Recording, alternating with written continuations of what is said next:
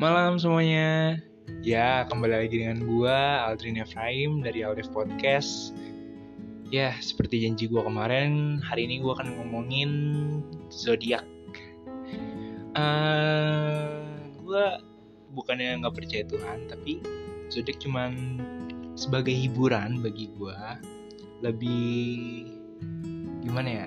Tahulah sifat gua kayak gimana, sifat orang kayak gimana. Hmm, ya cuman hiburan doang. Jadi kalau kalian dengar ini jangan diambil ke hati. Misalkan ada sifat buruknya ada sifat baiknya. Ya oke. Okay, kita lanjut aja. Langsung ke zodiak pertama yaitu zodiak Capricorn. Nah zodiak Capricorn tuh dari tanggal 21 Desember sampai 19 Januari. Gue soal tanggal kayak gini masih belum ngerti ya. Kadang-kadang suka berubah gitu. Yang gue tahu sih dari Desember tuh yang dari sampai tanggal 21 itu Sagittarius. 21 sampai 20, sampai tanggal 23 apa? Gue kadang-kadang suka berubah jadi gue kurang ngerti juga deh kenapa bisa nggak satu nggak nggak tanggalnya tuh nggak barangan gitu maksudnya. Udah lanjut aja langsung yuk. Kita ngomong ke sifat baiknya dulu deh yang Capricorn. Oke Capricorn ini berelemen lebih tepat elemen tanah ya? Oh iya benar. Elemen tanah sama lambangnya kambing kepala kambing. Nah orang yang berzodiak Capricorn mengutamakan kesuksesan status posisi reputasi loyalitas konsentrasi pemecahan masalah bertanggung jawab memperlihatkan kebijaksanaan dan keseriusan belajar melalui pengalaman. Ya menurut gue pelajaran yang paling ampuh adalah pengalaman sih. And then kayaknya hampir semua orang ingin seperti ini. Ya. Uh, di sini gue bilang sekali lagi cuma hiburan doang. Oke jangan diambil ke hati untuk misalkan gue gue zodiak Leo nih. Enggak ah masa temen gue zodiak kayak begitu? Enggak ini cuma hiburan doang ya. Nah tadi kan gue udah ngomongin sifat baiknya. Sekarang gue ngomongin sifat buruknya Capricorn ini termasuk di kategori kardinal. Apa itu ya? Yaitu aktif. Dengan kualitas ini hmm, bisa dianggap baik untuk memulai setiap proyek baru. Oke, oke, oke. Namun ada kalanya orang zodiak Capricorn cenderung bersikap memandang buruk atau pesimis selalu terpaksa terpaksa lagi. Terpaksa. Membebani takut menghadapi hambatan memperlihatkan batasan kurang simpati terlalu khawatir dan pemikiran sempit. Hmm, ini bukan gua ngatain ya. Maksudnya cuma sifat buruknya doang. Uh, ini bukan gue yang tulis juga kok. Ini gue dapet dari internet. Jadi jangan salah ke gue dan ini cuma hanya hiburan. Oke. okay. Lanjut kita ke pasangan yang tepat untuk Capricorn. Hmm. Wow. Ya terserah kalian percaya kembali ke dirinya masing-masing mau percaya apa enggak. Uh, dalam pergaulan orang yang berkelahiran Capricorn agak posesif. Wah. Ini gue sih kalau ini tergantung orang ya. Gue nggak terlalu tergantung pengalaman juga. Mungkin karena pasangannya dulu pernah bohong jadi posesif posesif itu atau enggak mengekang gitu dalam pergaulan yang membuahkan cinta wow Capricorn sering mem mencemburui kekasihnya oh gampang cemburu ya Sifat ini menyebabkan perilakunya sulit untuk dimengerti dan terkadang seperti kekanak-kanakan. Wow, wow, wow, wow. Uh, adik gue sih, adik gue sih Capricorn ya. Gue belum tahu udah punya cowok apa enggak ya. Untuk mengatasi masalah ini, seseorang yang berkepribadian dewasa, ramah, dan penuh pengertian adalah pendamping ideal bagi Capricorn. Wow, berarti dia nggak bisa sama yang lebih muda berarti nih. Berarti harus yang lebih dewasa. Oke, okay, orang yang dibawa naungan Aries, Aries ini dari tanggal 21 Maret sampai 21 sampai 20 April. Sorry, sorry, sorry juga Taurus 21 April sampai 20 Mei. Atau Libra 23 September sampai 22 Oktober. Nah, ini yang pasangan yang sesuai dengan Capricorn. Oke, gue ulangin dari pasangan yang cocok itu Aries, Taurus, Libra. Oke, itu doang sih, tiga doang. Hmm, katanya sih lebih cocok buat karena kan tiga zodiak ini lebih dewasa. Nah, yang nggak cocok sama Capricorn itu ada Aquarius dari tanggal 21 Januari sampai 18 Februari, juga Gemini dari tanggal 21 Mei sampai 20 Juni. Hmm, ini gue ulangin ya dari yang nggak sesuai. Itu dari zodiak yang Aquarius, Gemini. Oh, cuma dua doang deh. Ya, Aquarius sama Gemini. Kalau yang masih bingung, tanggalnya kapan itu Aquarius dari tanggal 21 Januari sampai 18 Februari. Nah, kalau Gemini, Gemini dari tanggal 21 Mei sampai 20 Juni. Mm -mm, itu yang gak sesuai sama Capricorn ya. Hmm, hmm, hmm, oke oke oke oke. Sementara sifat Gemini yang sulit dipegang bukanlah bintang yang mempesona Capricorn. Wah, emang kurang ya. Nah, kalau kita ngebahas karir dari Capricorn tersebut, hmm, kalau Capricorn emang bercita-cita mencari kekuasaan dalam karir sehingga harus siap bekerja dengan tekun. Wah, ini kepake banget sih dalam dunia kerja ya ibaratkan berpasangan dengan lo. Kalau lo sangat baik menjadi raja atau ratu, Capricorn sangat cocok menjadi perdana menteri. Waduh, boleh juga. Keberhasilan Capricorn dalam usaha mengatasi masalah dan risiko akhir akhirnya membuat Capricorn berhasil mendapatkan manfaat dari segi keuangan. Dia dia juga sikapnya pekerja keras. Hmm, jadi berpengaruh sama temen seorganisasinya menghormatinya gitu.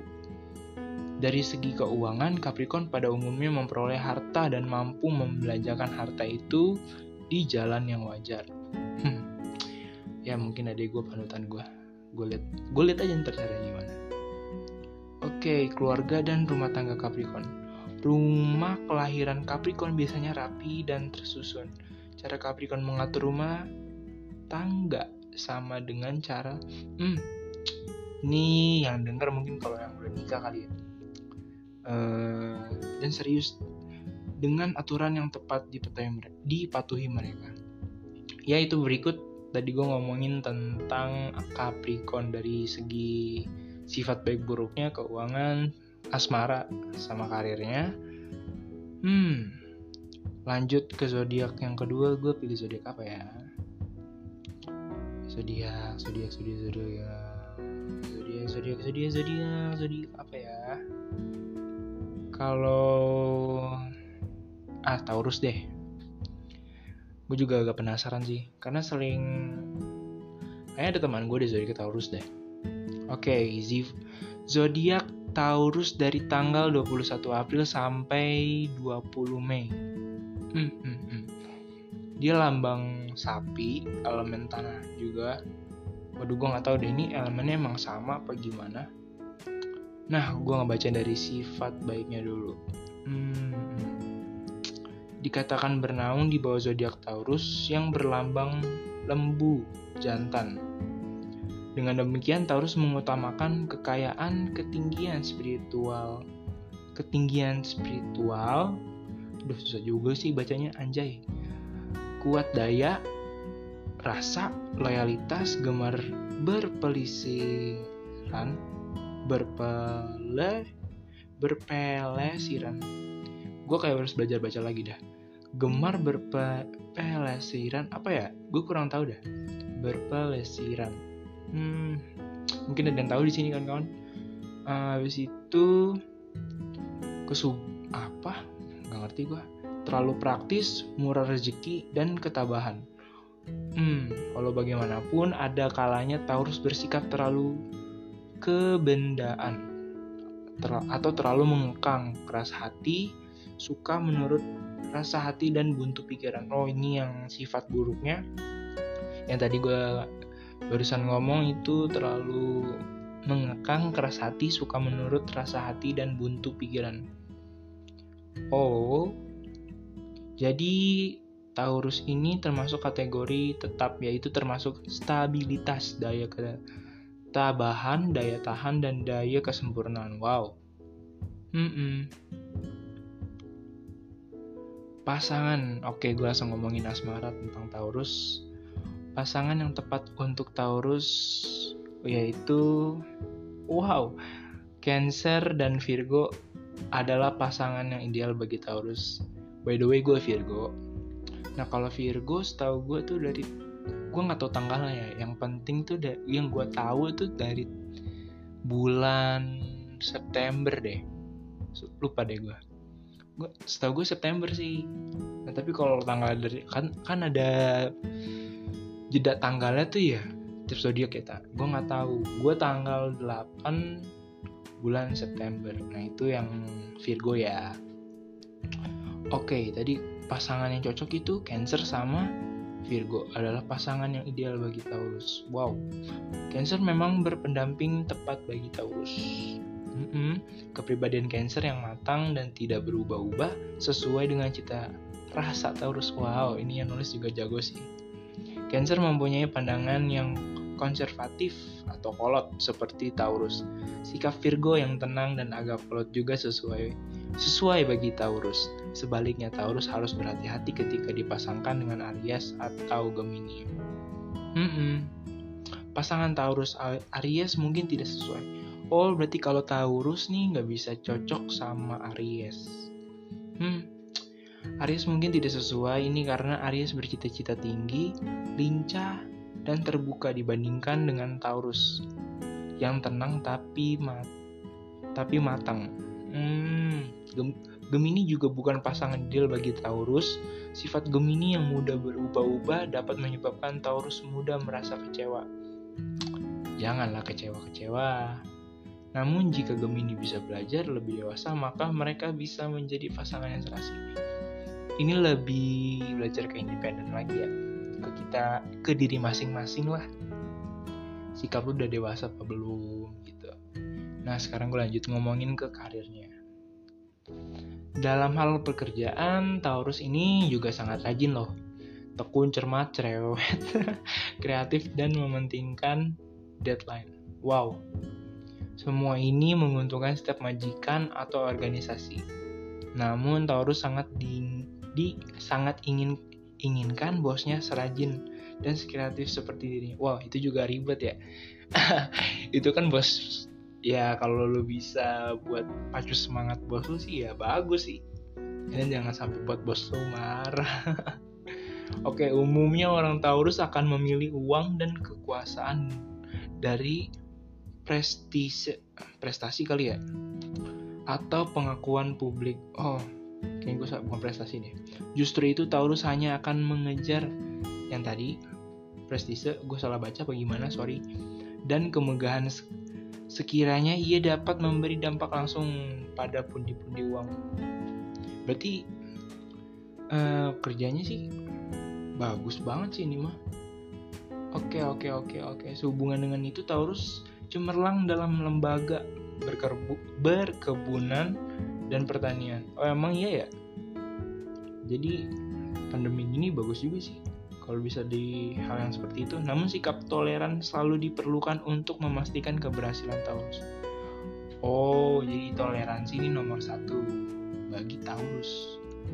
Keluarga dan rumah tangga Taurus. Mungkin ini udah nikah ya. Uh, rumah dan keluarga merupakan dua harta. Ya, gue juga tahu. Oleh sebab itu, semua alat dan furnitur sel selalu tersusun dan bersih. Oh, jadi orangnya teratur banget Semakin tua, Taurus gemar tinggal di rumah terutama rumah yang jauh dari kebisingan. Taurus memang menyukai tanah tempat kelahirannya ketika menjelang hari tua. Mm -mm. Jadi semakin udah berumur, kayaknya hampir semua orang tua kayaknya gitu deh. Makin berumur makin betah aja gitu di rumah kan. Oke, mungkin kali ini gue ngebaca tiga zodiak kali ya. Zodiak terakhir apa ya? Zodiak terakhir apa ya? Oke, lanjut lagi kita ke zodiak Leo. Temen gue ada yang berzodiak Leo yaitu si Marsilia. Halo Lia, moga-moga lu dengar podcast gue. Ya, zodiak Leo dari tanggal 21 Juli sampai 21 Agustus. Yang ini elemennya api ya, lambangnya singa. Iya sih. Sifat baiknya dulu deh gue ngomongin. Orang yang lahir pada tanggal 21 Juli sampai 21 Agustus dikatakan bernaung di bawah zodiak Leo. Hmm. Uh, yang berlambang singa. Nah, zodiak Leo ini mengutamakan, mengutamakan rasa cinta, ramah, bersifat pemurah dan daya kepemimpin, kepemimpinannya tuh menonjol banget. Menonjolkan kemegahan, selalu hidup selalu hidup menyoroti keagungan, keberanian, kemampuan dekat dengan anak-anak berkat berbakat, berkat lagi, berbakat dan suka pada hiburan. Emang kalau gue mandang temen gue itu emang anaknya asik sih. Jiwa pedenya melebihi orang-orang sih kalau gue lihat ya. Orangnya baik, ramah, bener banget sih kalau ini sih. Karena gue punya temen yang zodiak Leo juga jadi gue bisa nilai gimana orangnya. Ah lihat nih pasangan yang tepat untuk lo nih. Waduh waduh waduh waduh. Leo pasangan yang tepat untuk Leo. Oke Lia Li Marcelia Justin semoga lo denger ini. Semoga-moga lo dapet. Uh, Leo suka bergaul sehingga tidak dapat berdampingan dengan seseorang yang cemburu dan mengekang dia ya. Dalam situasi ini, Libra, Sagittarius, dan Taurus adalah pendamping ideal buat lo. Wow, jadi buat lo lihat nih zodiak yang tepat nih dari yang gue baca nih dari Libra, Sagittarius, dan Taurus. Wah, Taurus tuh yang tadi gue baca juga. Tapi kok nggak pasangan sama Leo ya tadi gue baca ya? Uh, uh, uh. Seperti sifat Leo, Libra juga membutuhkan cinta yang menyenangkan. Hmm, Berarti cocoknya sama Libra, Sagittarius, sama Taurus. Libra tidak suka memutuskan hubungan lantaran dia matang dalam membuat keputusan. Pasangan yang juga tepat bagi Leo adalah Sagittarius dan Taurus. Sifat Sagittarius yang periang bisa membuat Leo bahagia. Daya pikir Sagittarius yang luas sehingga mengesankan Leo. Meskipun kurang romantis, namun Sagittarius tahu bagaimana cara menyenangkan kekasihnya. Hmm, ya ya ya. Jadi yang buat cocok sama lo dia tuh ada Sagittarius, Libra sama Taurus. Oke, gue lanjut ngomong ke karirnya. Ngomongin karirnya, mungkin Leo memang suka terlihat mewah dan bergaya. Kalau gue pribadi lihat dia sih kayaknya enggak ya, sederhana sekali ya bun. Sederhana sekali dia gue lihat orangnya. Leo baik dalam hal membuat keputusan tetapi gemar menyerahkan hal yang lebih detail kepada bawahannya. Wow. Leo dihormati rekan kerja dan bawahan. Sebagian karena Leo memang memahami pasangan orang sekelilingnya. Bagus sih kalau gitu sih. Dalam setiap karir, Leo selalu berusaha mencapai posisi tertinggi meskipun harus mulai dari bawah. Ini berarti Leo orang seorang yang tekun bekerja. Ya, gue dari si dia sih emang dia suka ikut organisasi, jiwa pemimpinnya kelihatan banget sih. Oke, lanjut ke keluarga dan rumah tangga Leo. Kayaknya Leo lu belum nikah kan ya? Oke, dari segi keluarga, memang Leo gemar memperlakukan dan mencintai orang lain. Namun dari segi internal, hanya segelintir teman yang tahu apa sebenarnya kehidupan harian Leo. Oh berarti hanya orang-orang dekat doang yang tahu banget. Kayak gue belum terlalu cukup deket sih. Bagi orang berlambang Leo, rumah adalah ruang yang menyenangkan rekreasi dan kamar pribadi. Leo sangat setia pada keluarga, Leo menyukai anak-anak dan memastikan mereka dijaga dan dirawat dengan sewajarnya. Oke, okay. ya udah selesai gue baca tiga zodiak, cukup lama banget. Ini gue record jam 2 lewat 26 setengah 3 pagi. Ya, ya sesi berikutnya gue akan ngebahas zodiak lain selain yang tadi gue tadi gue zodiak pertama sih gue sebutin jadi kan ada Leo Taurus sama Capricorn jadi ada Capricorn Taurus sama Leo yang tadi gue udah baru bahas ya oke okay. seperti biasa outro gue thank you banget kawan-kawan yang udah dengerin podcast gue kali ini uh, sampai ketemu di episode berikutnya. Gue akan ngebahas zodiak yang lain. Oke, okay, gue Aldrin Efraim dari Aldev Podcast. See you to my podcast. Bye.